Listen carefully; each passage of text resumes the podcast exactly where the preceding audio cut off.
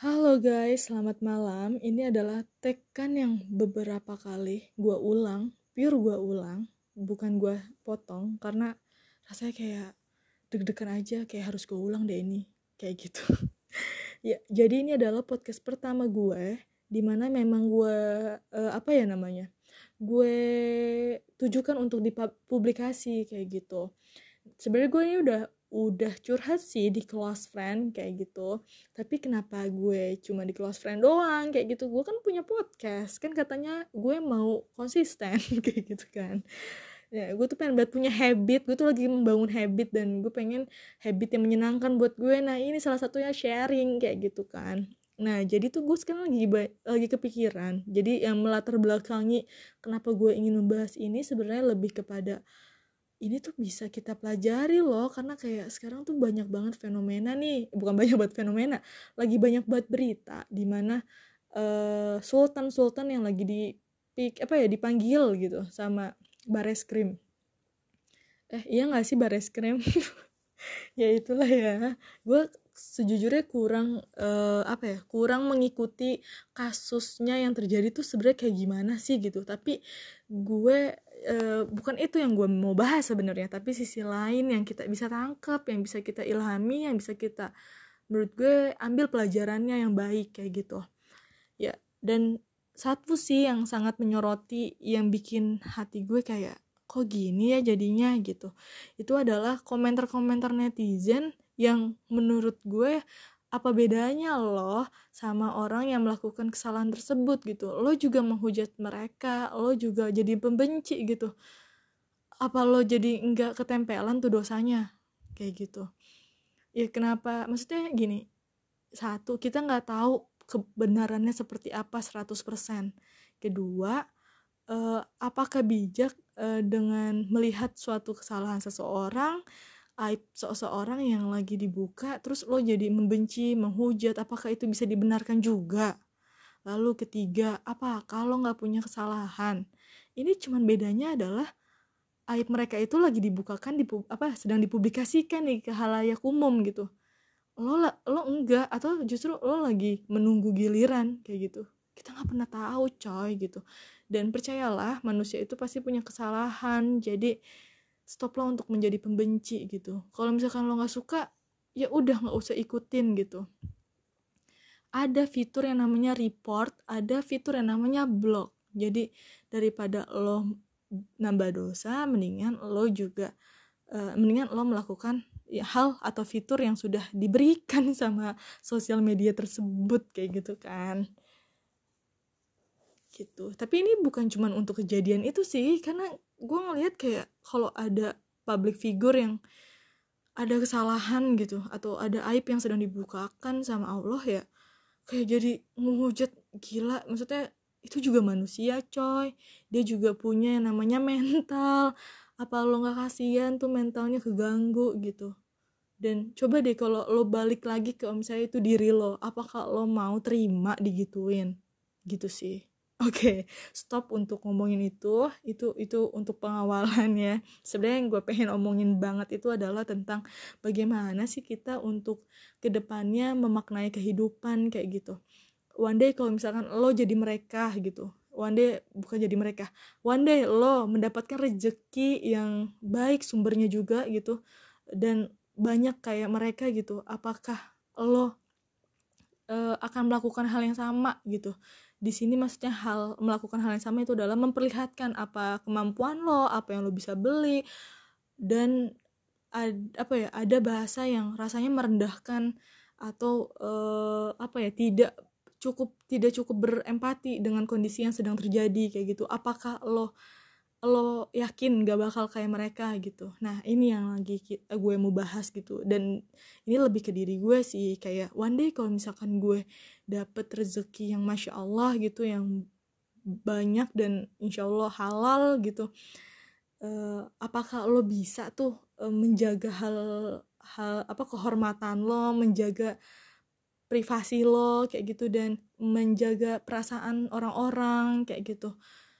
Karena eh, kayaknya gue kebanyakan ngomong kayak gitu ya ya mohon maaf ya. Nah terus nah lo bisa nggak untuk tidak memamerkan untuk lebih banyak memberi kepada orang lain dan itu menjadi hal pribadi juga buat lo gitu. Gitu loh.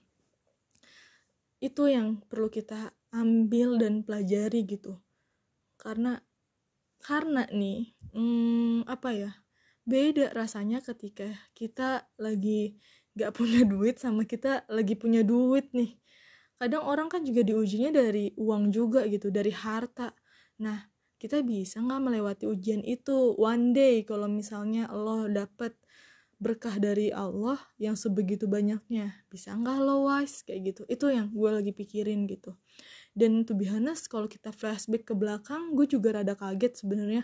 Kok banyak ya jadinya orang-orang kayak tajir melintir yang kayak jadi terkenal gitu. Apa sih substansinya gitu? Apa sih manfaatnya gitu? Kok bisa terkenal? Kenapa? Apa yang apa yang menyebabkan dia terkenal? Hartanya kayak gitu. Itu kayak nggak make sense buat gue to be honest. Kecuali dia memang inspi inspiring gitu menginspirasi orang banyak dari yang di mana dia orang biasa aja terus jadi orang yang masya Allah dermawan kayak uh, ya kayak kayak gitu. Terus juga um, sangat humble down to art kayak gitu. Itu menurut gue pantas dia uh, apa ya pantas dia untuk terkenal. Tapi bukan masalah terkenal atau nggak terkenalnya ya tapi lebih yang kayak sekarang tuh lagi musim pandemi nih ce gitu. Apakah tidak ada empati untuk melihat sekeliling yang lagi banyak banget terdampak gitu itu juga jadi sorotan buat diri gue sih one day kalau misalnya karena gue merasa gue juga pernah melakukan kesalahan gitu. Di mana gue uh, mungkin um, bukan ya bisa jadi kata orang itu memamerkan sesuatu yang orang lain tuh sebenarnya kepengenin kayak gitu. Dan dan jadi kayak jadi kena mental dia gitu. Itu juga menurut gue kesalahan gue gitu. Tapi ya gue nggak tahu apa gue, gue pernah melakukan itu atau enggak.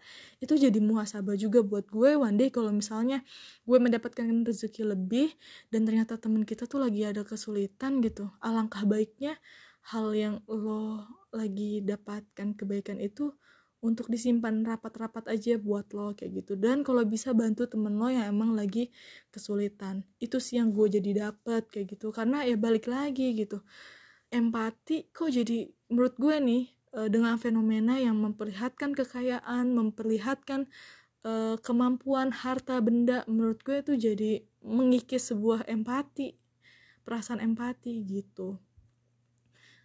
Ya uh, apa ya terus terus gue bingung mau ngomong apa. Itu yang gue pikirin kayak gitu. Karena apa ya ce kok jadi ce ya?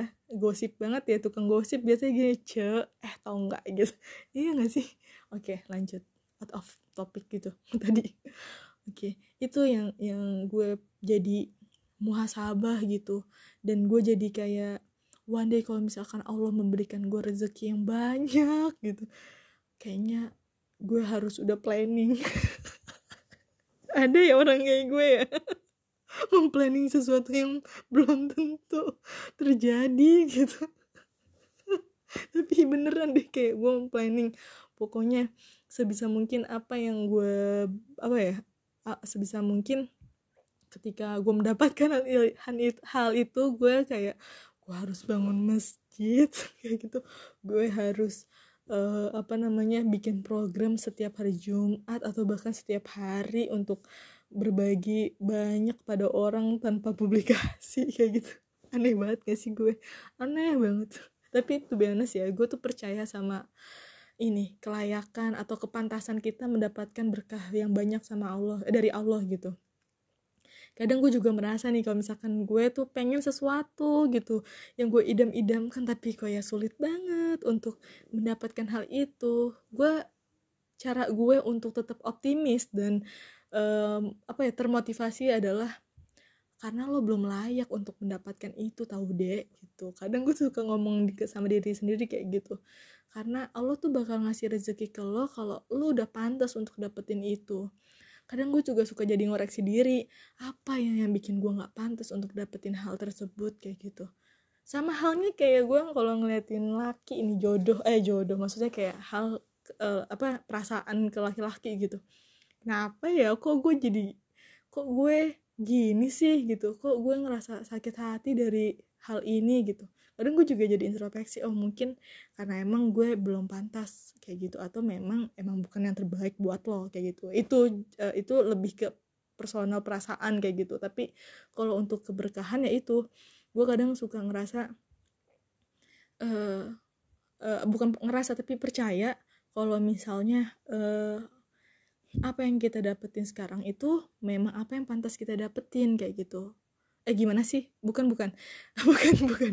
Karena gue merasa apa yang kita inginkan dan itu tercapai artinya emang lu sudah sudah pantas kayak gitu. Dan untuk makanya kadang gue suka berpikir untuk meraih sesuatu gue tuh harus memantaskan diri.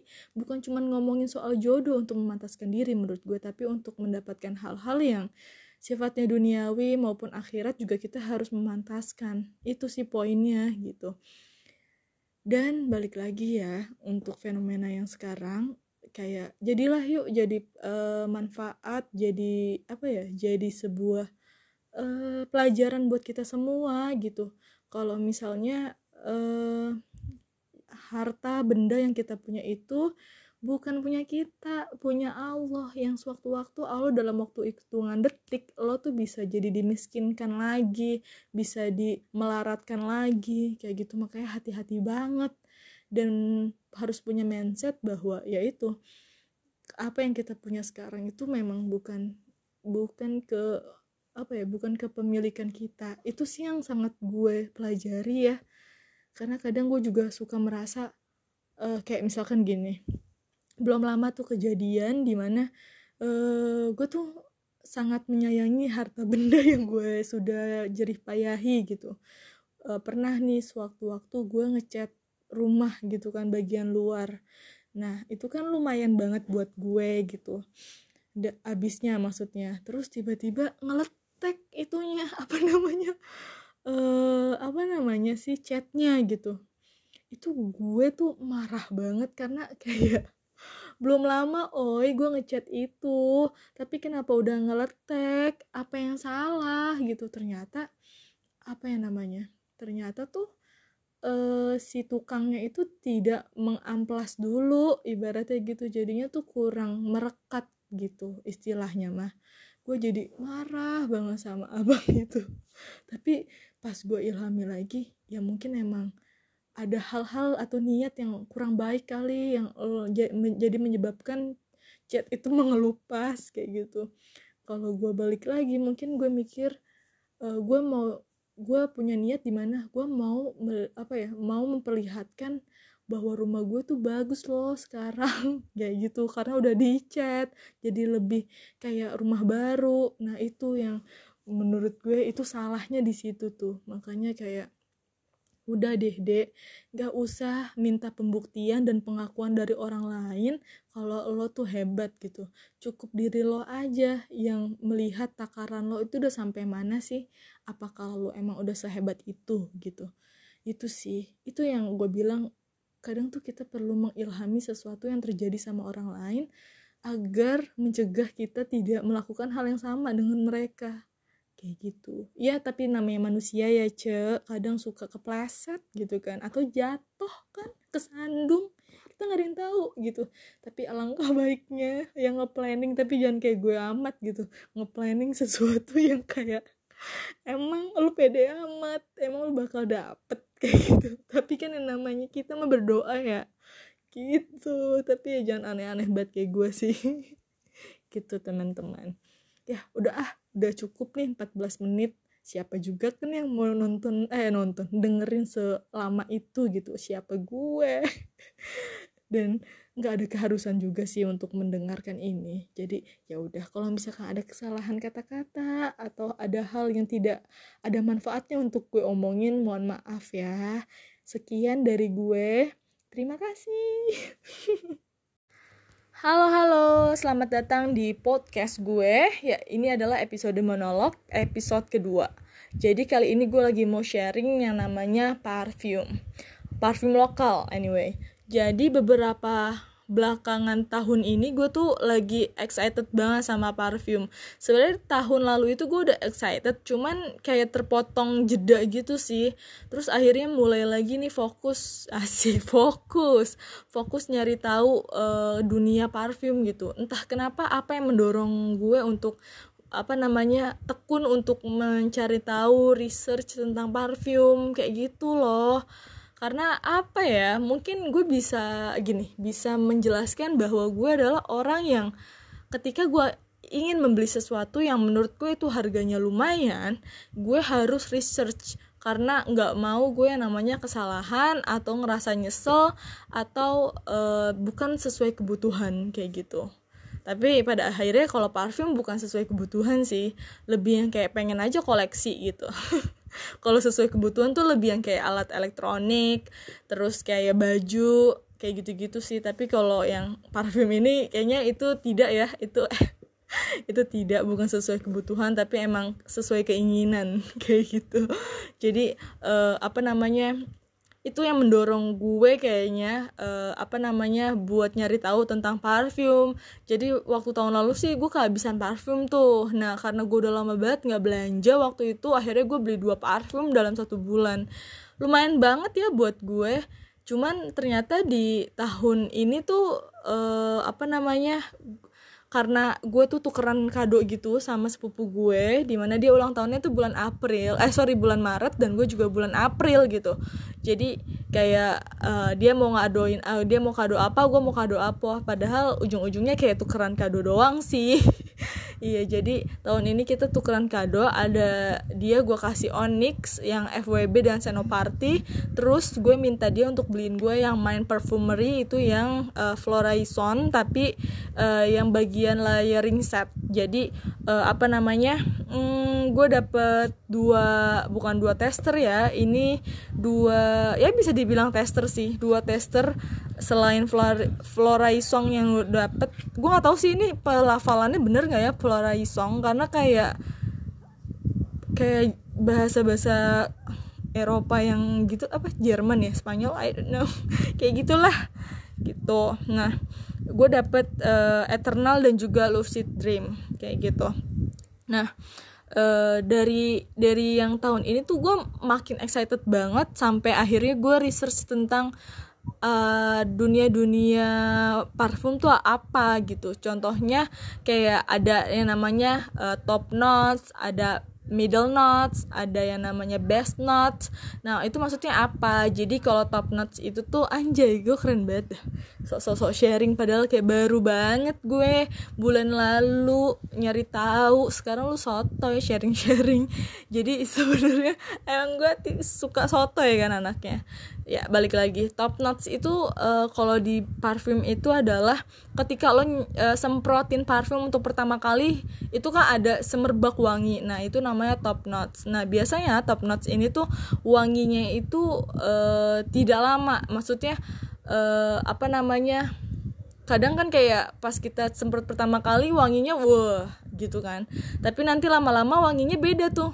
Nah pada saat itulah itu namanya middle notes. Jadi uh, udah 10 menitan atau 5 menitan itu wanginya udah berubah. Nah itu middle notes. Nah best note itu kayak gimana? Nah best note itu adalah namanya best berarti dasar ya dasar wanginya gitu. Yang di mana ini akan muncul ketika sudah beberapa jam kemudian gitu. Makanya kalau misalkan lo apa namanya kalau lo nyium parfum tuh kadang suka beda-beda dan emang tipsnya buat kalian yang mau beli parfum secara langsung itu kalau langsung disemprot tuh biasanya jangan judge dari top notesnya dulu gitu. Lo keliling dulu aja sampai akhirnya dia uh, apa namanya keluar wangi yang uh, best notes itu. Yang kayak misalkan udah 30 menit atau satu jam nah itu bi biasanya uh, apa timbul tuh yang namanya best notes kayak gitu. Nah terus ada yang namanya istilah projection. Ini gue seru banget sih ternyata ada istilah-istilah gitu loh. Nah projection ini tuh kayak lebih apa namanya ini parfum uh, keciumnya sampai berapa meter sih kayak gitu. Nah semakin panjang apa semakin bagus projection ya berarti semakin jauh uh, ketika kita nyemprot parfum kita wanginya tuh bisa sampai 5 meter. Itu kalau parfum parfum parfum yang mahal banget gitu loh. Paling kalau lokal ya 2 meter aja tuh udah bagus banget.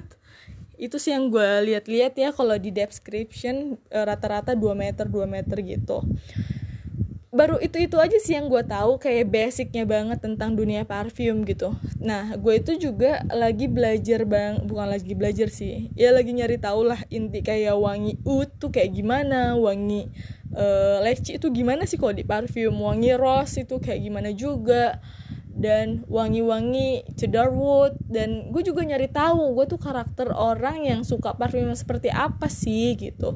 Itu uh, apa namanya yang perlu yang menurut gue gue perlu tahu gitu. Ketika nanti gue beli uh, apa namanya gue udah nggak usah uh, bingung gitu. Kalau misalkan gue cuma bisa beli online karena sejauh ini tuh gue beli parfum online terus. Jarang banget beli offline jadi senang banget yang bikin excited justru itu kayak karena kita udah research nih oh wangi wood tuh yang kayak gini kayak gini. Oh wangi yang cedar wood tuh kayak gini nanti bakal gimana ya kombinasi gue suka nggak ya? Kayak gitu loh. Nah ketika datang tuh jadi wah excitednya tuh wow banget gitu. Dan to be honest dari beberapa kali ini gue beli parfum gue nggak merasa gue gagal sih untuk memilih parfum. Malah kayak wah ini uh, apa namanya wangi yang bisa gue terima. Tapi sejauh ini belum ada wangi yang emang favorit banget tuh. Itu belum. Paling baru baru tadi ini gue nyobainnya Eternal dari yang main perfumery itu enak sih buat gue daripada si Florai Songnya kayak gitu. Suka tapi uh, masih yang belum apa ya belum puas kali ya bisa dibilang. Karena pengen masih cari tahu karakter parfum yang gue suka apa. Kayaknya nih kalau dari gue lihat-lihat gue tuh justru lebih suka parfum-parfum yang berat. Maksudnya wangi-wangi yang wood spicy yang kayak gitu-gitu. Dan gue nggak suka wangi yang bener-bener apa namanya uh, manis. Kayak aduh pusing. Itu bikin banget pusing sih. Dan apalagi ya uh, ya yes, excited itu deh sebenarnya gimana ya parfum tuh bakal kepake sih. Cuman yang bikin gue gue pikirin adalah sedangkan gue tuh lagi belajar yang namanya apa namanya hidup minimalis atau hidup frugal living gitu. Cuma uh, untuk parfum ini kayak gue belum bisa sih nih. Gue lagi se excited itu soalnya sama dunia parfum. Gue pengen punya koleksi parfum yang apa ya maksud gue dari semua uh, karakter wewangian parfum gitu. Ada yang woody ada yang green ada yang apa namanya mm, solar. Lu bayangin deh wangi solar. Lu bayangin so, bukan solar tuh bukan bensin ya tapi wangi matahari gitu. Lu lu bayangin deh kok bisa ya mendeskripsikan wangi matahari? Kayak tadi nih uh, di lucid dream ini tuh ternyata ada kandungan solarnya pas gue cium tuh emang kayak wanginya tuh nggak asing kayak mengingatkan dengan sosok apa gitu kan. Pas gue lihat apa namanya uh, top notesnya middle notesnya dan juga best notesnya tuh ternyata ada lo solar di apa ya middle notes deh kayaknya solarnya gue yang kayak ah iya bener wangi matahari. Gitu gue yang kayak di kok bisa ya dari sebuah wangi-wangian bisa mendeskripsikan suatu situasi? Gitu.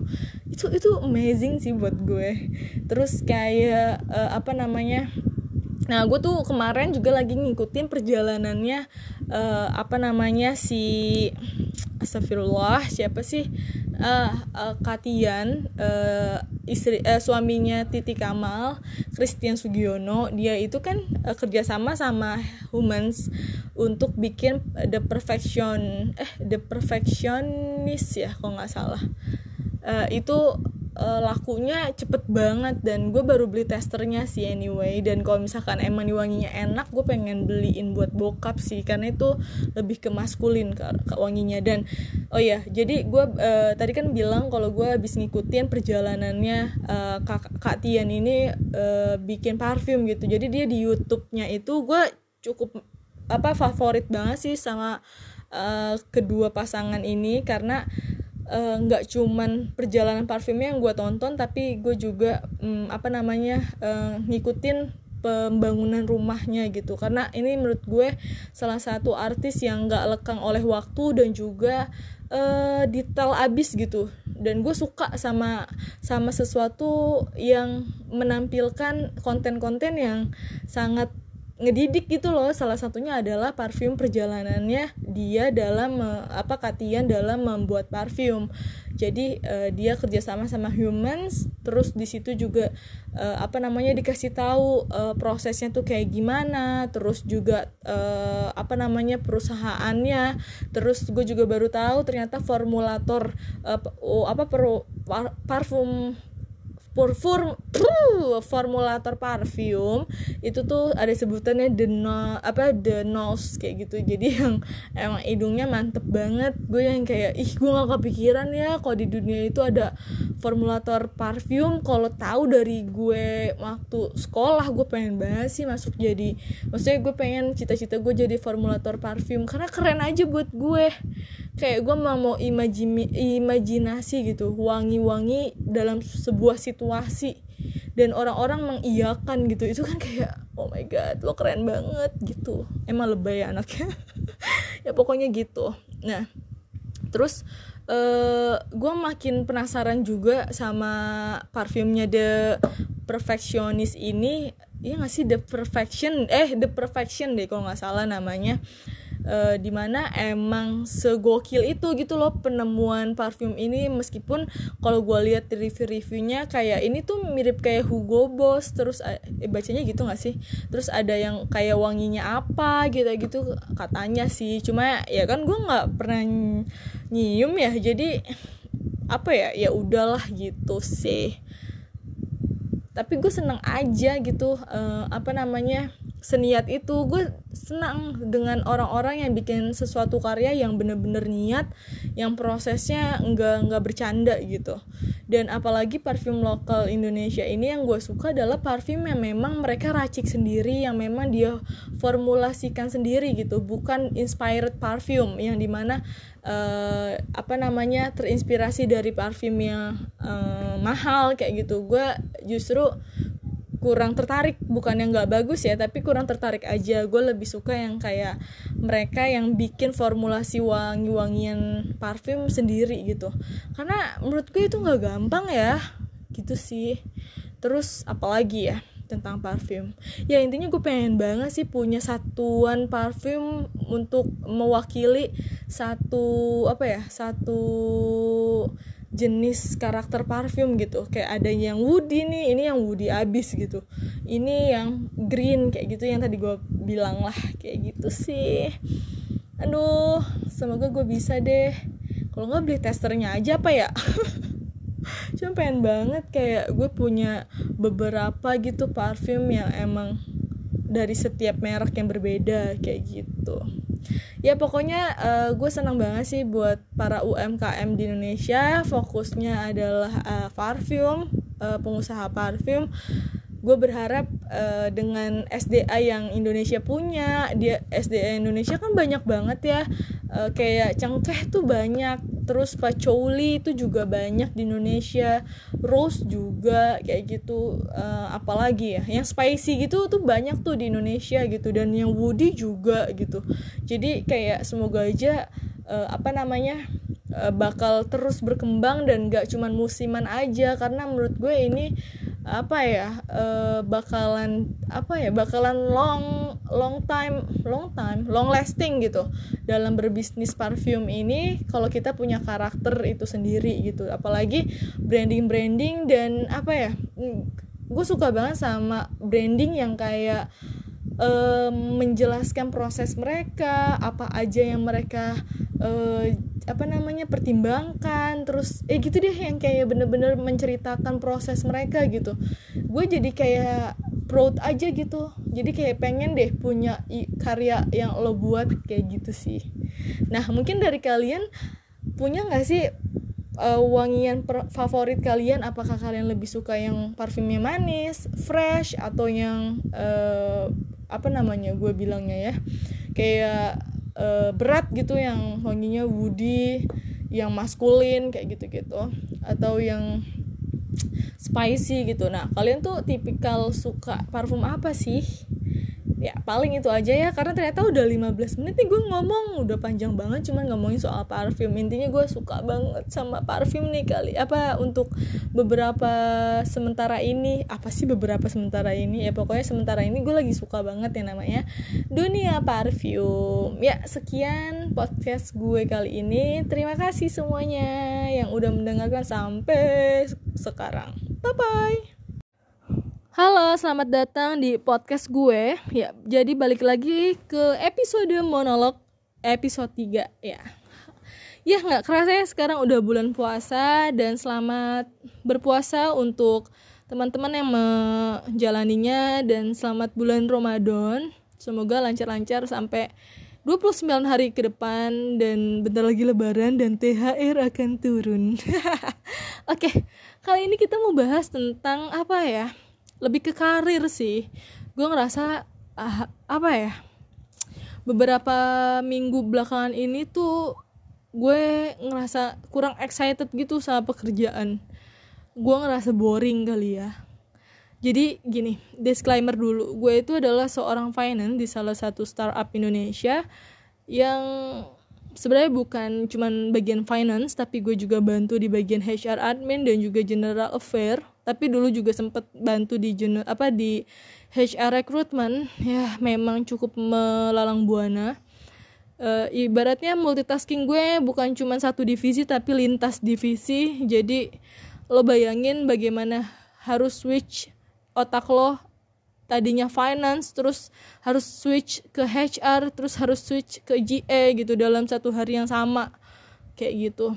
Ini bukan hal yang mudah tuh bihanas untuk menjalani uh, apa untuk beradaptasi ya untuk beradaptasi di pekerjaan ini wah makan mental makan hati makan fisik kayak gitu sih. Tapi Uh, kebetulan karena sekarang gue udah punya tim ya di mana ada satu full time yang bantu gue dan juga ada tiga intern. Tuh biasanya gue bukan senior gue masih tetap staff kayak gitu. Cuman udah ada bantuin nih staff baru dan juga tiga intern ya itu rasanya lega banget dan justru gue jadi mendapatkan spare time ya untuk memikirkan diri gue sendiri dan karir gue sendiri gitu. Yang tadinya tuh gue super sibuk sama apa yang lagi gue kerjain karena jadi gak ada waktu tuh buat ngobrol hahaha sama karyawan. Meskipun kita full time biasanya gue suka reach out temen-temen yang terpercaya di perusahaan kayak gitu untuk berkeluh kesah gitu gitu sih. Saking gak ada waktunya untuk berkeluh kesah sampai lupa kalau misalkan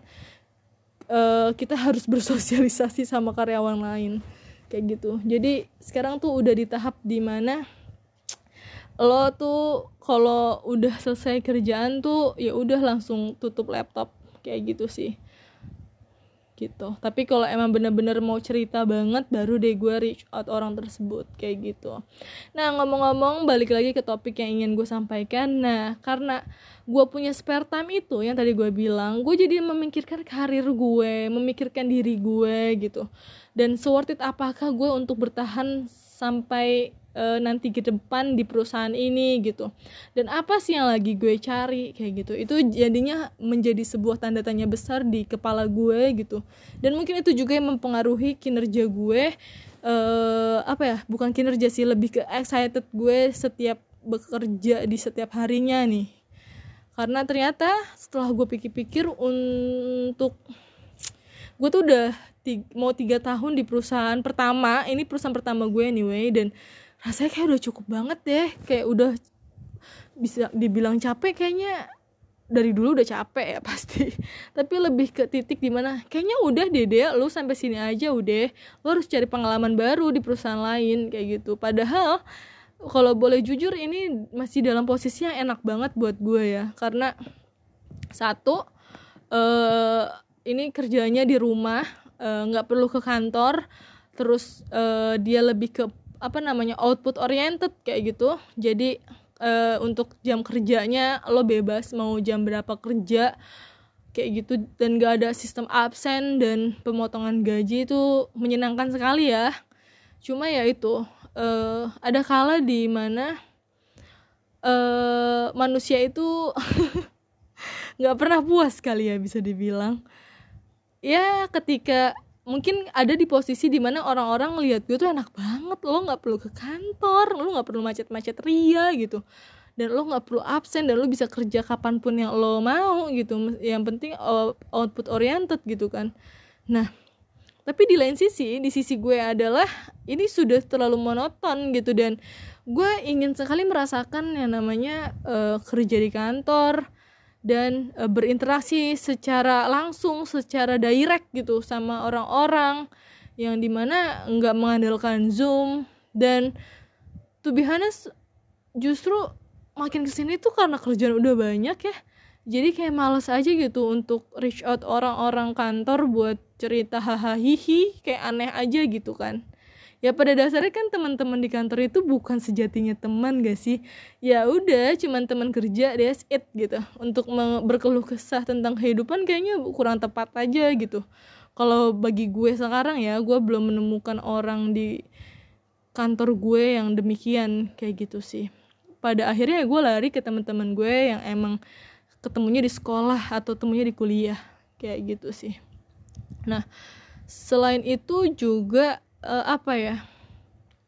Mungkin ini juga gue masih punya ambisi besar di mana gue tuh pengen banget jadi accounting. Kalau di posisi sekarang itu gue tuh sebagai finance tadi gue udah ya, yang gue ceritain ya. Nah gue tuh punya cita-cita sebagai accounting loh sebenarnya. Kenapa? Karena gue itu lulusan accounting uh, di SMK accounting jurusan gue dan uh, kuliah gue accounting gitu terus tiba-tiba kerja tuh jadi finance rasanya ya bersyukur pasti ada ya bersyukur. Cuma ada titik di mana lo ngerasa lo masih gagal gitu loh. Lo tuh belum ada di titik yang lo harus tuju gitu. Lo tuh masih harus lari deh lo harus masih nyari kesempatan. Ya itulah maksudnya masih mungkin masih muda ya masih mau ngejar idealismenya gitu tapi memang betul sih karena yang gue cari sekarang masih bukan money oriented tapi lebih ke pengalaman dan juga kesempatan. Gue pikir gitu dan gue ngerasa eh, nah gue punya cita-cita uh, mana gue tuh pengen banget ya jadi senior accounting gitu. Gue pengen banget ya jadi ya intinya senior or something like that gitu. Tapi hmm, gue ngerasa apa yang lagi gue jalin sekarang itu tidak mendekati ke arah sana gitu yang gue rasa sekarang itu gue masih di situ-situ aja dan belum bergerak gitu. Itu yang gue rasain. Itu kenapa gue merasa gundah gulana terhadap karir gue ini. Meskipun gue baik-baik aja sekarang tidak ada masalah apa pun maksudnya tidak ada masalah yang gimana-gimana banget gitu semuanya terkendali gitu. Apalagi tadi gue bilang posisi posisi gue tuh lagi enak banget loh sebenarnya gitu. Udah ada yang bantuin udah lagi pada delegasi ke masing-masing orang kerjaan gue lumayan jadi lebih sedikit gitu. Tapi ternyata setelah gue mendapatkan itu yang tadinya kira gue itu yang gue butuhkan ternyata bukan. Yang gue butuhkan sekarang tuh emang lo harus resign dan cari kesempatan yang lo mau yaitu adalah accounting karena gue ngerasa baru kali ini gue ngerasa gue tuh nggak semaksimal dulu deh ng ngelakuin sesuatu gitu. Gue tuh cukup ambisius dan apa ya effort abis gitu orangnya dalam mengerjakan sesuatu. Namun yang dirasa sekarang itu gue tuh uh, apa ya hidup segan mati pun enggan gitu. Ya gimana ya gue tuh takut dibilang nggak bersyukur. Cuma sebenarnya dibalik itu gue bersyukur banget karena gue mendapatkan pengalaman ya belum tentu di perusahaan lain gue bisa dapat pengalaman yang seperti ini gitu. Di mana gue bisa loncat di divisi masing-masing gitu kan. Dan cuk apa ya dan gue juga jadi punya mental di mana e, ngobrol langsung sama CEO atau owner perusahaan tersebut gitu. Itu menurut gue pengalaman yang berharga ya. Jadi ini lebih kepada e, apa ya ya cita-cita gue belum kelar ibaratnya gitu sih.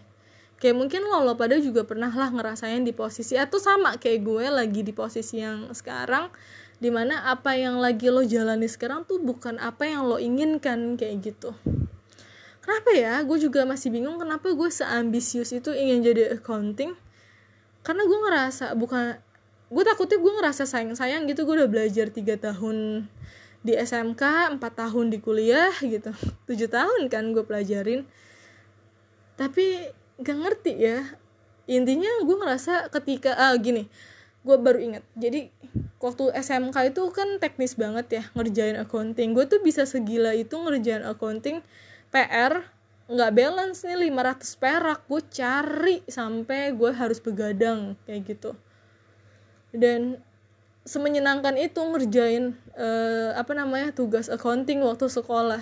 Dan gue waktu magang waktu itu sempat magang juga waktu di SMK dan gue ngerasa happy banget ketika menolong Pak Sitorus uh, dalam uh, rekening apa uh, ini rekonsiliasi bank di mana gue menemukan selisih di mana Pak Pak Sitorus sendiri itu tidak menemukan dan gue menemukan hal tersebut gitu. Itu udah rasa apa ya appreciate aja gitu sama diri gue kok bisa ya? Lo keren deh gitu. Makanya dari situ gue ngerasa nanti gue akan ada di posisinya pasti torus kayak gitu. Yang jadi accounting ngurusin ya rekening koran terus ngejurnal.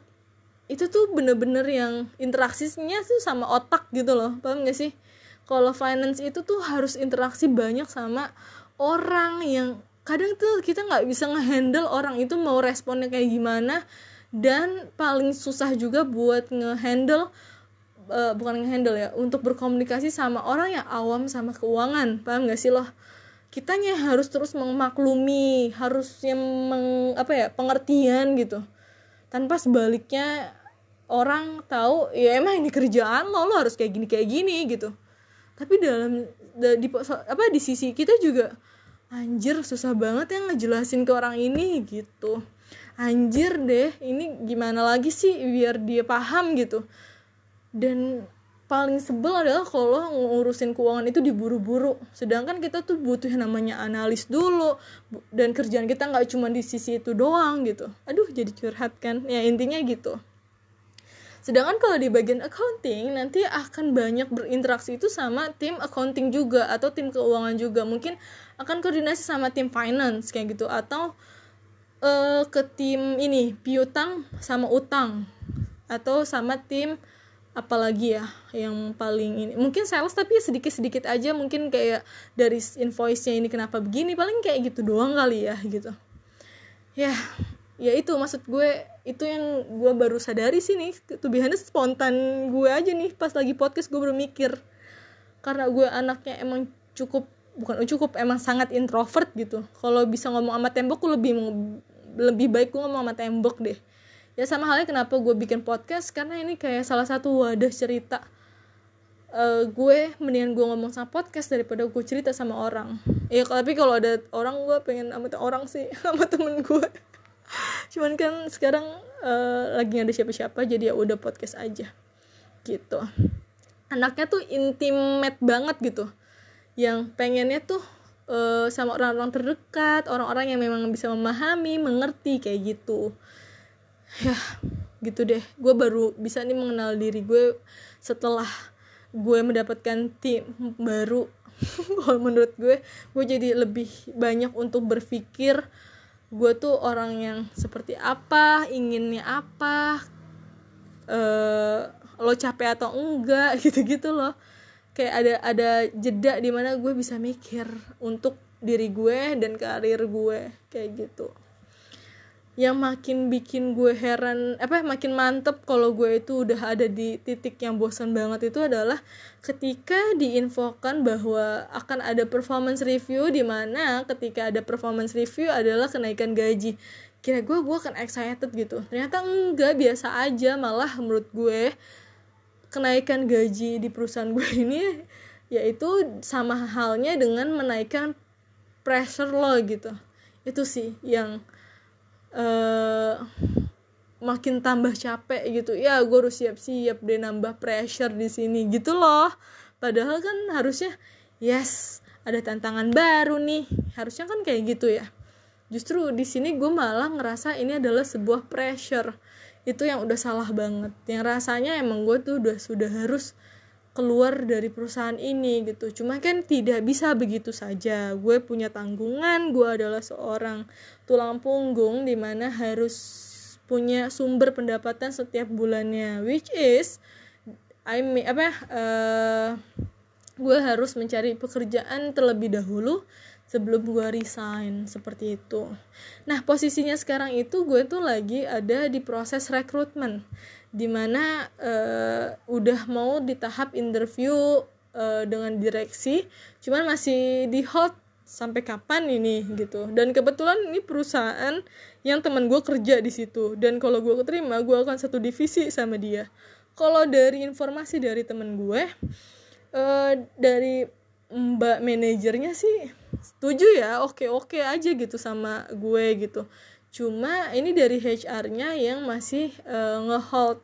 Jadi teman gue juga ada yang uh, apa namanya uh, ikut rekrutmen juga di situ lagi proses juga.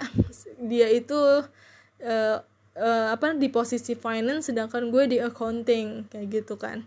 Dan temen gue ini juga belum dapat panggilan lagi kayak gitu gue juga demikian. Ya.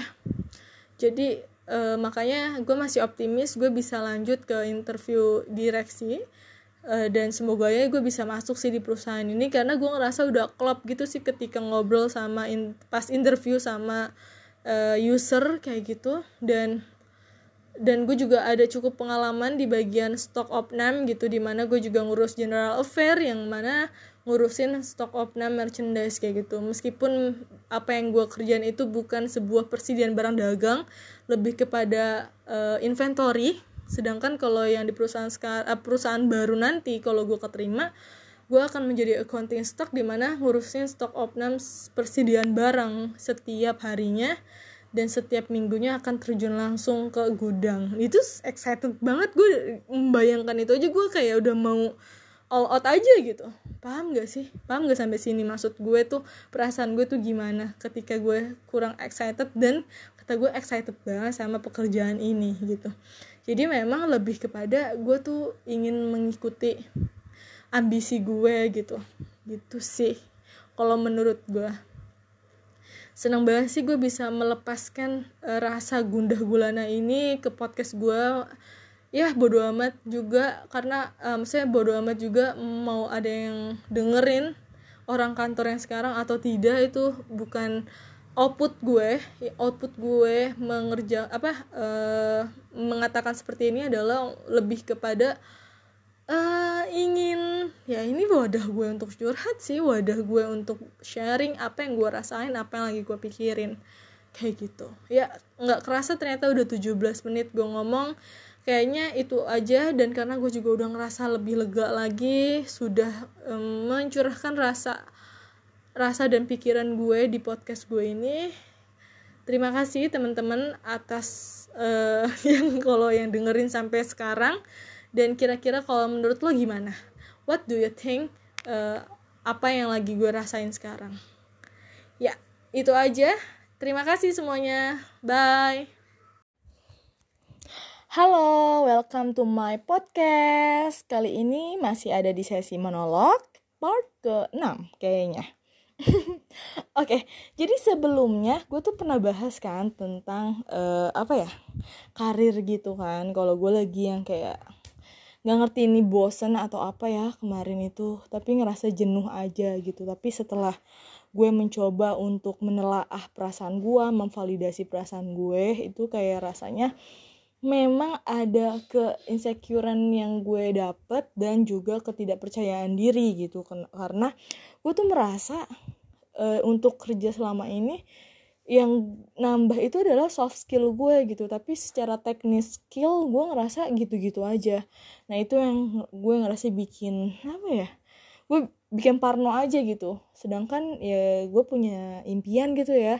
2 sampai tiga tahun ke depan atau satu tahun dua tahun ke depan gue pengen loh di bagian yang um, misalkan SPV atau manager kayak gitu atau senior gitu loh. Gue kan pengen juga berkembang dan bertanggung jawab lebih gitu. Enggak hanya cuma seorang staff. Ya pasti itu impian semua orang nggak sih? Nah gue ngerasa itu can relate sama pekerjaan yang gue uh, tangani sekarang.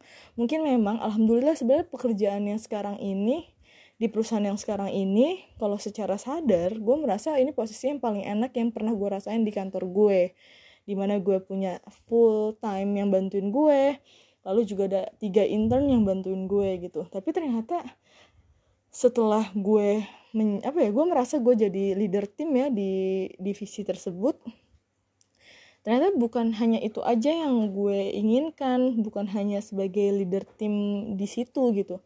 Tapi gue juga ingin uh, menggali juga kemampuan gue secara teknik uh, skill gue gitu. Karena gue ngerasa eh gue ngerasa gitu aja skill gue gitu loh gak sih? Karena gue nggak punya atasan lagi. Even punya pun uh, apa ya tidak berkontribusi dalam hal teknik skill. Jadi selama ini ya bisa dibilang gue research by research by otodidak kayak gitu. Jadi hmm, gitu deh. Uh, agak panjang lah ya ceritanya intinya gitu. Itulah yang bikin gue ngerasa uh, rasanya gue memang harus keluar nih suka nggak suka mau nggak mau gitu. Karena gue nggak mau banget nih sampai tiga tahun lebih di sini gitu. Ya sebenarnya tiga tahun nanti bulan Juli sih. Tapi kayak kalau bisa ya sebelum tiga tahun gue udah punya pekerjaan baru dan gue tuh punya keinginan yang belum tersampaikan uh, waktu itu adalah gue pengen banget di bagian accounting. Meskipun orang-orang lihatnya sih finance dan accounting itu uh, divisi yang sama bahkan ada di perusahaan yang finance and accountingnya itu ya satu orang gitu. Ya menurut gue nggak apa-apa sih cuma memang gue tuh pengen banget di bagian accounting.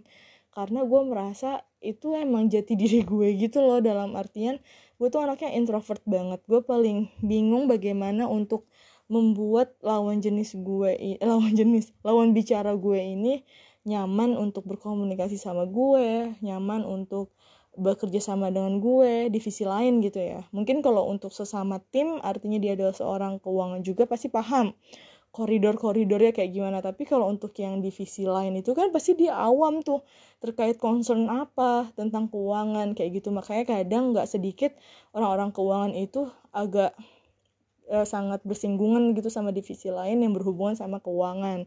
Karena dianggapnya adalah saklek kayak gitu. Tapi menurut gue ya wajar karena dia nggak paham juga dunia keuangan tuh kayak gimana. Memang kita harus saklek kayak gitu kan. Nah gue ngerasa di bagian finance itu terlalu too much ya too much untuk gue ketemu dan berkoordinasi sama orang-orang gitu divisi lain gitu sih. Nah kalau di accounting meskipun kita berkoordinasi dengan divisi lain eh sama orang Eh, sama karyawan lain tapi itu satu divisi gitu sedikit sekali untuk berinteraksi dengan divisi lain pun kalau misalkan divisi lain yang terkait ya procurement mungkin terus bagian yang gudang mungkin kan kalau ada stok opnam kayak gitu. Jadi itu is oke okay gitu hanya hanya segelintir ibaratnya. Kalau finance kan kayak setiap divisi untuk pengajuannya dan uang masuk uang keluar itu kan pasti berhubungan sama pihak luar kayak gitu. Itulah kenapa gue kayak pengen banget dari bagian accounting ketika gue sudah mencoba atau mencicipi di bagian finance ini. Lalu kedua adalah memang gue jurusannya di SMK waktu dulu tuh emang gue accounting bagiannya terus uh, jurusannya sorry. Terus uh, kuliah juga gue accounting gitu. Ya pengen aja gitu gue me apa ya mengimplementasikan apa yang gue sudah pelajari apa yang gue sudah pahami di kerjaan gue gitu. Karena selama gue belajar accounting di zaman SMK dulu gue ngerasa uh, iya iya gue happy gitu. Kayak menurut gue accounting itu ilmu pasti gitu. Kalau nggak balance artinya ada yang salah kayak gitu. Dan itu pasti ketemu gitu loh. Sedangkan kalau ya intinya gue based on data lah orangnya. Tapi gue juga suka kok. Maksudnya suka di sini eh, nggak uh, terlalu suka tapi bisa dibilang suka lah untuk um, apa namanya berdiskusi sama orang misalnya sama kelompok terus juga kerjasama sama tim gue juga suka gitu. Cuma ya itu balik lagi uh, gue prefer untuk based on data kayak gitu. Pun kalau misalkan koordinasi ya gue sih lebih nyaman sama orang yang sama keuangan gitu. Karena gue nggak perlu memberikan attention lebih kepada mereka untuk memahami keuangan tuh seperti apa gitu gitu sih. Dan apalagi memberikan uh, kesabaran lebih sabar lagi untuk um, mengkoordinasikan dan mengkomunikasikan hal tersebut kepada pihak atau divisi lain gitu sih. Meskipun gue sebenarnya bisa gitu cuman kalau dibilang nyaman ya gue lebih nyaman based on data sih kalau kerja gitu.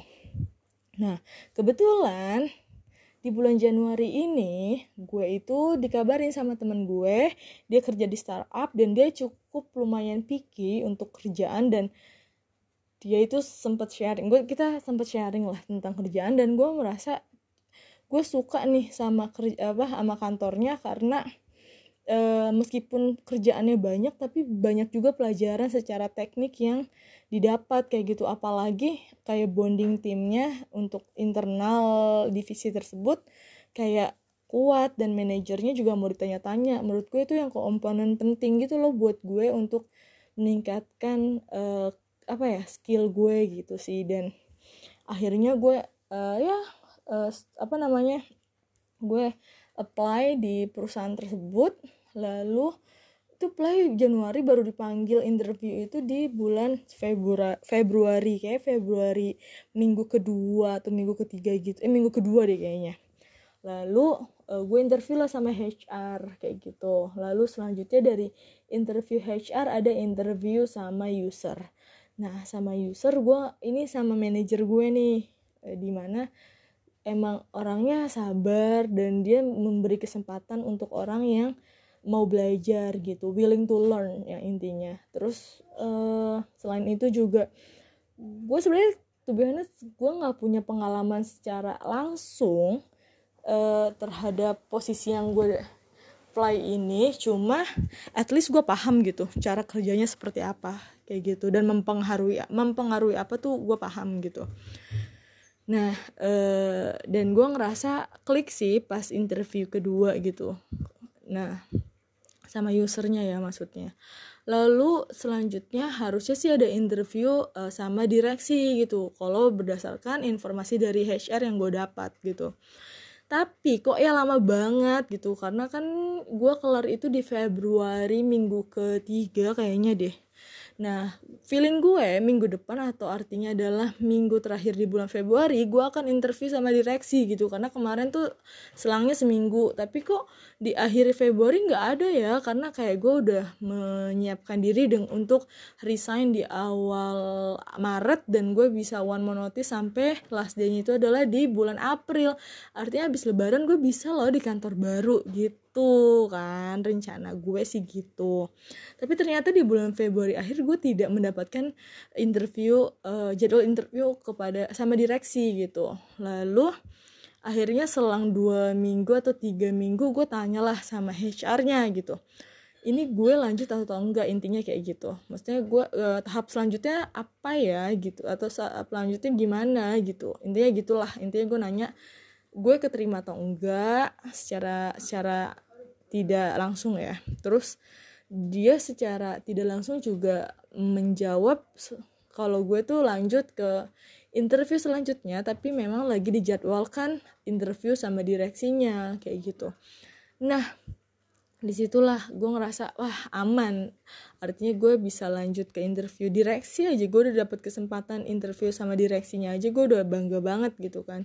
Karena wah oke okay nih gitu ternyata uh, apa namanya hmm, tapi lama banget. Baru dihubungi itu adalah di tanggal 27 April. Dia bilang bisa nggak untuk interview besok? Jam sekian kayak gitu jam setengah tiga dia bilang gitu 2.30 nah gue bilang bisa ya karena kebetulan interviewnya online jadi fine fine aja. Nah selanjutnya besoknya gue interview jam 2.30 tapi tapi sebenarnya gue tuh udah on itu uh, kayak udah nompoin di Gmeet itu di jam 2.20 jam 2.10 tuh gue udah ngeliatin gue khawatir si pak direksinya duluan yang apa namanya yang masuk gitu loh. Nah ternyata gue kaget juga di di jam 2.24 dia udah masuk coy. Gue kan kayak aduh dia udah masuk. Gue harus masuk nih tapi belum waktunya. Akhirnya daripada dia yang nunggu kan ya udah akhirnya gue langsung masuk aja. Akhirnya interview dan interview tuh lumayan singkat banget. Yang kayak lu paham gak sih? Gue berpikiran bahwa dengan di interview apa namanya di interview cepet ya artinya apa ya? Ya artinya uh, lo tuh nggak tertarik sih sama gue gitu. Gue ya beberapa kali gue suka interview orang ya. Kalau gue gak tertarik biasanya gue cepet tuh buat interviewnya gitu. Nah di situ ya dia nanya beberapa hal dan gue juga nanya beberapa hal. Menurut gue uh, gue sih ngerasa klop ya kayak gitu. Nah lucunya uh, kita interview itu kelar jam 2.44 sepertinya. Lalu jam 3 lewat berapa menit itu tuh gue ditelepon sama HR-nya ternyata gue keterima. Kayak gokil banget. Maksudnya kayak apa ya? Kilat banget oi gitu. Nah terus uh, sebenarnya uh, ini gue juga punya temen kan di kantor yang yang yang gue tuju gitu. Kebetulan dia juga apply tapi dia udah keterima duluan. Dia di bagian finance-nya. Nah gue tuh nanya-nanya sama dia gitu. Eh gue ntar interview nih sama direksi gitu-gitu. Nah pas gue udah kelar eh gue udah kelar nih interview direksinya. Lah kok cepet banget? Iya nih masa cepet banget dah. Kayak dia nggak tertarik dah sama gue udah udah udah punya feeling pesimis lah pasti gitu. Nah terus uh, iya ya cepet banget ya. Duh semoga enggak sih dia bilang kayak gitu kan. Terus uh, eh, eh eh si HR sama usernya lagi masuk nih ke ruangan direksi gitu. Sumpah gue deg-degan banget kayak gitu kan. Ada apa ya? Gue ditelepon gak ya? Gue di ini kejadiannya sebelum gue ditelepon sama HR ya anyway. Nah terus eh, nggak uh, lang nggak berlangsung lama setelah itu kan keluar tuh mereka katanya dari ruangan. Nggak lama uh, eh, HR-nya tuh nelfon gue. Nah udahlah gue negosiasi dulu kayak gitu. Terus akhirnya ya udah gue terima gitu tapi gue belum nerima offering letter gue bakal terima nanti di tanggal 9 Mei sih harusnya. Nah terus uh, kocaknya adalah uh, gue ngabarin tuh eh eh, eh gue keterima di, uh, gue ditelepon tadi kayak gitu kan. Oh jadi tadi si HR nelpon itu nelponin lo? Iya. Kayak gitu. Itu kayak seru banget sih maksudnya interview. Interview ada apa namanya ada yang mantau gitu dari dalam jadi kayak ya sekalipun gue gak terima gue tau lah gitu maksudnya uh, apa namanya memang ya intinya gue tau lah gimana pola uh, rekrutmennya kayak gitu-gitu sih. Karena gue sebelumnya tuh pernah interview sama direksi tapi yang nggak lolos itu tahap terakhir banget. Jadi tinggal dua kandidat antara gue sama dia ternyata yang terima tuh orang gitu. Nah, rezekinya di situ. Nah sekarang uh, ternyata di yang perusahaan yang sekarang nih yang kemarin gue interview itu tuh ada tiga kandidat ternyata. Nah alhamdulillahnya keterima. Itu yang gue seneng banget sih. Gitu. Nah uh, tapi nah kira gue gue bakal sehappy dan selepas itu gitu loh pas dinyatakan gue keterima gitu di perusahaan lain ternyata ada rasa sedih juga dan apa ya bisa dibilang uh, ini keputusan yang baik nggak ya? Ini keputusan yang mantap nggak ya? Gitu sih. Dengan apa ya? Dengan gue sudah mempertimbangkan lama dan uh, sudah melihat seberapa banyak ngeluhnya gue di perusahaan yang sekarang menurut gue udah alangkah baiknya lu untuk mencari pengalaman yang pengalaman baru apa namanya udara baru juga posisi yang baru juga. Nah gue tuh kepincut banget sama posisinya sih sebagai accounting kayak gitu. Dan uh, apa ya hmm, ya intinya gue ter eh sama uh, fasilitas-fasilitas yang didapat itu menurut gue lebih uh, apa ya ya pastinya lebih banyak ya ibaratnya. Meskipun mungkin gue bisa baru uh, rasain itu after karyawan tetap atau setahun depan kayak gitu sih. Tapi uh, seneng banget sih maksudnya. Bisa dapat kesempatan dan itu nggak datang dua kali jadi kenapa enggak gue terima gitu kan. Daripada gue tolak terus nyesel dan gue gambling gue terima dan uh, nikmatin aja gitu.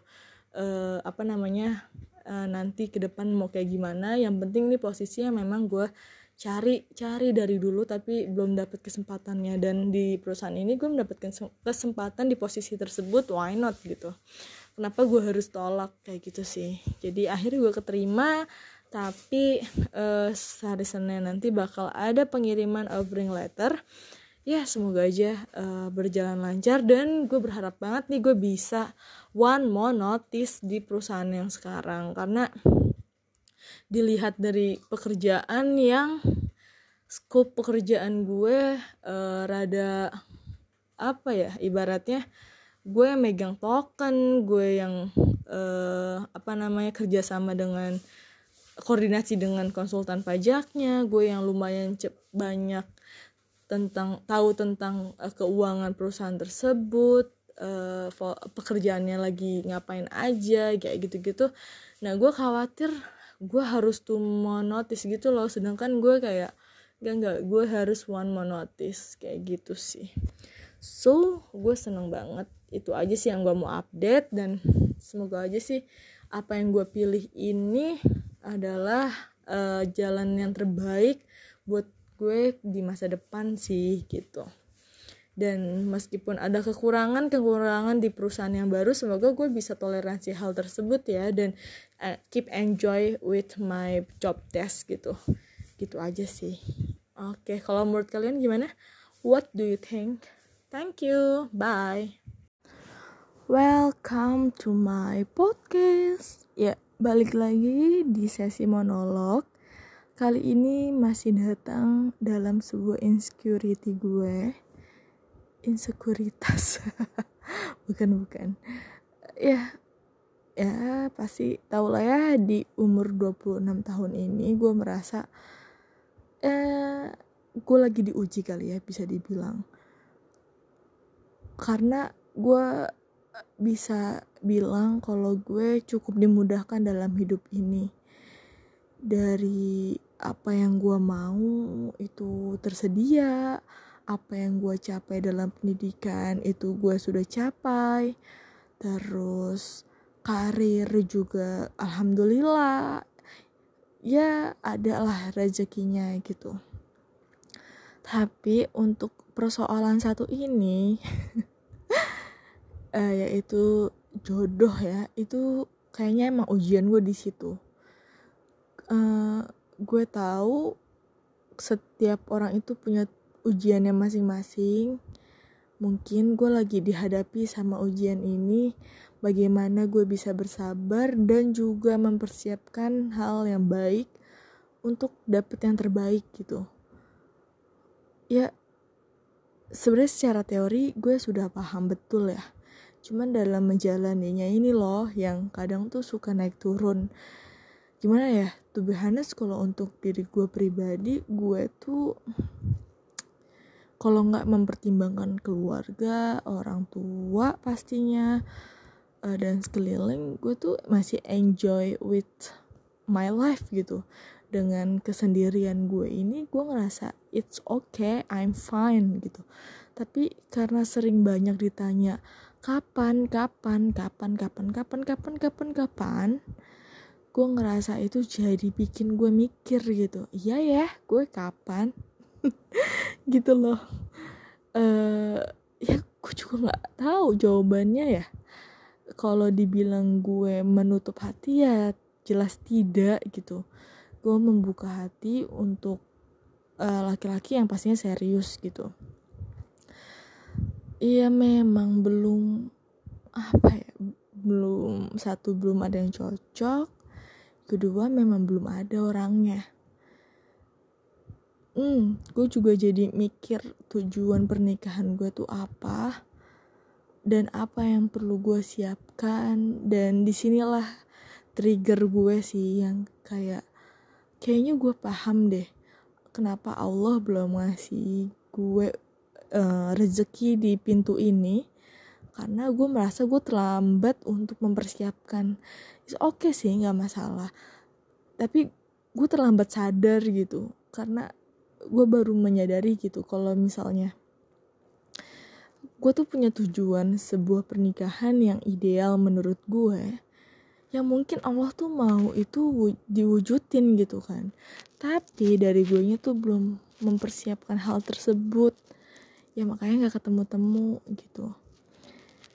Dan aduh sulit lagi untuk apa ya build a good habit gitu. Karena udah terbiasa kan. Maksud gue di sini adalah gue punya tujuan ideal menjadi seorang istri yang baik itu adalah dengan memenuhi kebutuhan suami uh, gue juga harus bisa manage waktu gue kapan gue harus me time kapan gue harus membersihkan uh, apa nih rumah-rumah gitulah. Gue tuh ngerasa gue tuh masih big zero banget ya di bagian itu gitu. Karena gue tuh sekarang aja kayak semaunya aja gitu. Bangun ya sesuka hati karena kerjanya kan dari rumah ya. Dan alhamdulillah ini minggu terakhir gue untuk kerja di perusahaan ini dan next week gue bakalan pindah di perusahaan yang full WFO gitu. Jadi ya gue sih berharap dengan terobosan baru ini di hidup gue gue juga bisa melatih untuk membangun sebuah habit gitu di mana gue tuh tuh biasanya pengen banget yang kayak perempuan yang punya good habit seperti bangun pagi jam 4 terus langsung bikin sarapan terus mandi ya gitu loh gue tuh bener-bener urakan sih gue ngerasa masih urakan. Gitu. Makanya kayak oh I get it. Gitu sih gue pas gue mikir-mikir mungkin mungkin ya gitu. Gue tuh kan juga nggak tahu ya maksudnya di sini tuh gue mencoba untuk introspeksi diri gitu uh, menyelaraskan antara visi gue dengan apa misi gue gitu. Ternyata nggak selaras nih. Visi gue tuh kayak gini tapi misi gue rebahan. Ya gimana ya? Ya kan nggak ketemu gitu. Nah gue gue mikirnya gitu sih. Ya kadang emang dikasih pressure tuh buat mikir ya.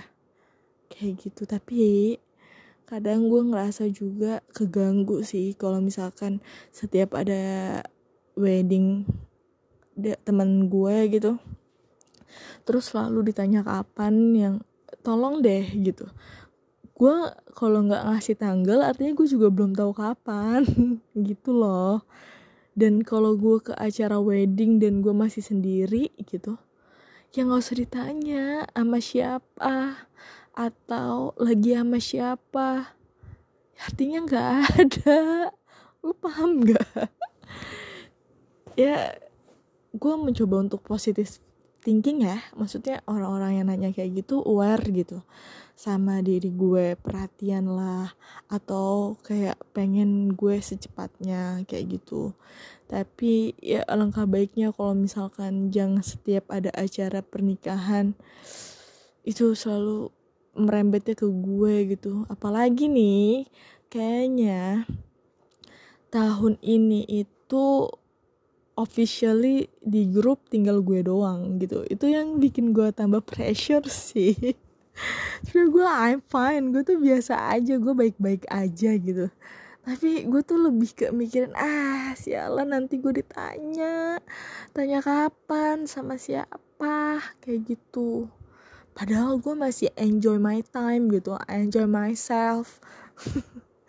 Gitu sih cuman kan nggak boleh enjoy enjoy terus sendiri gitu kan. Ya mungkin memang gue harus memikirkan hal ini dan harus mempersiapkan gitu. Ini bener-bener tahun di mana gue bergejolak sih maksudnya tahun lalu tuh gue masih nggak kepikiran sih untuk apa ya ya gue ngerasa kayak ya udah sih gitu. Tapi sekarang gue jadi mikir ya memang sudah harusnya gue untuk memantaskan diri ya. Dan hmm, gitu ya kehidupan. Setelah pendidikan selesai ditanya kerja. Setelah kerjaan dapet ditanya kapan nikah. Nanti setelah nikah ditanya kapan punya anak. Nanti udah punya anak satu ditanya kapan punya adiknya seterusnya sampai begitu. Ya itu kayak udah lumrahnya kali ya. Yang mungkin itu bahasa basi di negara kita tuh kayak gitu gitu. Gue cuman cukup memaklumi aja dan manage stress sih. Maksudnya gue nggak bisa mengendalikan dari pihak eksternal ke gue tuh harus uh, bakal kayak gimana. Tinggal dari gue nya sendiri internal diri gue sendiri yang kayak menyikapinya gimana kayak gitu. Dan ya semangat buat temen-temen yang lagi masa pencarian lagi masa hmm, rasanya kepengen untuk menikah tapi belum dikasih jalan percaya kalau apa ya insya Allah ada. Insya Allah ada jalan. Insya Allah ada titik temu tinggal bagaimana kita untuk meraih hal tersebut dengan kesabaran, tawakal, dan juga mempersiapkan atau memantaskan. Ini beneran ya yang kayak memantaskan, literally memantaskan gitu. Jadi nggak cuman ngemeng doang kalau lagi memantaskan gitu. Nah gue tuh kayak beberapa tahun lalu tuh selalu bilang gue lagi memper kayak lagi memantaskan diri padahal kayak I'm nothing, something, anything. ya gue lagi nggak mempersiapkan apa-apa sebenarnya. I'm enjoy gitu. Nah itu itu salah gue sih. Harusnya yang benar-benar memantaskan diri dengan ya dari segi aspek apa pun ya gitu. Uh, mungkin dari secara fisik dari finansial dari uh, apalagi dari batin lo mental lo juga harus udah siap gitu. Dan juga dari uh, apa ya jiwa lo gitu. Nah ngomong-ngomong soal mental memang gue baru sadar kalau tahun lalu itu adalah tahun terberat gue secara mentality gitu. Karena ini mental di pekerjaan sih tapi itu ngefek banget sama kehidupan pribadi yang di mana gue ngerasa jadi useless gue ngerasa jadi ya yeah, nggak mm, berguna lah intinya gitu. Nah gue sadar betul kenapa tahun lalu gue nggak ada kepikiran untuk ke arah sini karena gue ngerasa diri gue aja tuh masih bobrok nih mentalnya. Mental gue aja tuh lagi diuji banget kayak gitu. Ujian gue tahun lalu tuh lebih ke pada kerjaan gitu. Dan alhamdulillah wa syukurillah tahun ini tuh diijabah sama Allah tahun lalu tuh gue sempet menggumam atau pada saat di mana gue seputus asa itu gue bilang gitu ke temen salah satu temen gue sal doain ya semoga kita tahun depan setelah lebaran bisa dapat pekerjaan baru. Dan eng eng tahun ini beneran uh, di tanggal 28 April gue dapet over letter by phone call dan officially-nya itu dikirimin ya after lebaran. Kayak gitu. Gue kayak masya Allah terima kasih ya Allah. Padahal gue lagi ngerasa ibadah gue tuh biasa-biasa aja gitu. Gue jadi malu banget sih. Dan alhamdulillah mungkin ini doa orang tua gue doa bapak gue atau doa nyokap gue atau temen-temen gue yang mendoakan gue gitu sih. Itu yang kayak alhamdulillah dan di tahun ini gue merasa mental gue udah kenceng sih untuk menghadapi situasi pekerjaan gitu. Uh, ya ya sekarang ujian gue di tahun ini bener-bener dikasih apa ya? Kejenuhan ditanya kapan kapan kapan kapan kapan kapan kayak gitu. Ya semoga aja jawabannya ya tahun ini bisa ketemu tahun 2022 tahun 2023 bisa lah ya merayakan pesta pernikahan. Duh gue masih ketawa lagi ngomong kayak gitunya. Ketahuan kan? Kesiapan gue semana gitu. Ya gitu deh ya gue masih percaya he is the one. Gue masih percaya yang kayak gitu gitu loh. Gue nggak percaya apa ya bukan nggak percaya sih. Maksudnya gue nggak bisa untuk menjalani sebuah hubungan yang ya udah yang penting ada yang mau gitu. Atau yang kayak dia baik dia ini gitu. Tapi gue butuh yang namanya yeah he is the one gitu loh. Gue tuh pengen ada rasa kayak gitunya. Paham gak sih lo? Gitu. Ya. yeah gitu deh. Ya intinya happy ending lah insya Allah ya. Dan semangat. Semoga ya bisa melewati hal ini dengan baik. Dan juga ya gue bingung ngomong apa. Jadi udah itu aja kayaknya deh yang pengen gue share. Ya thank you udah dengerin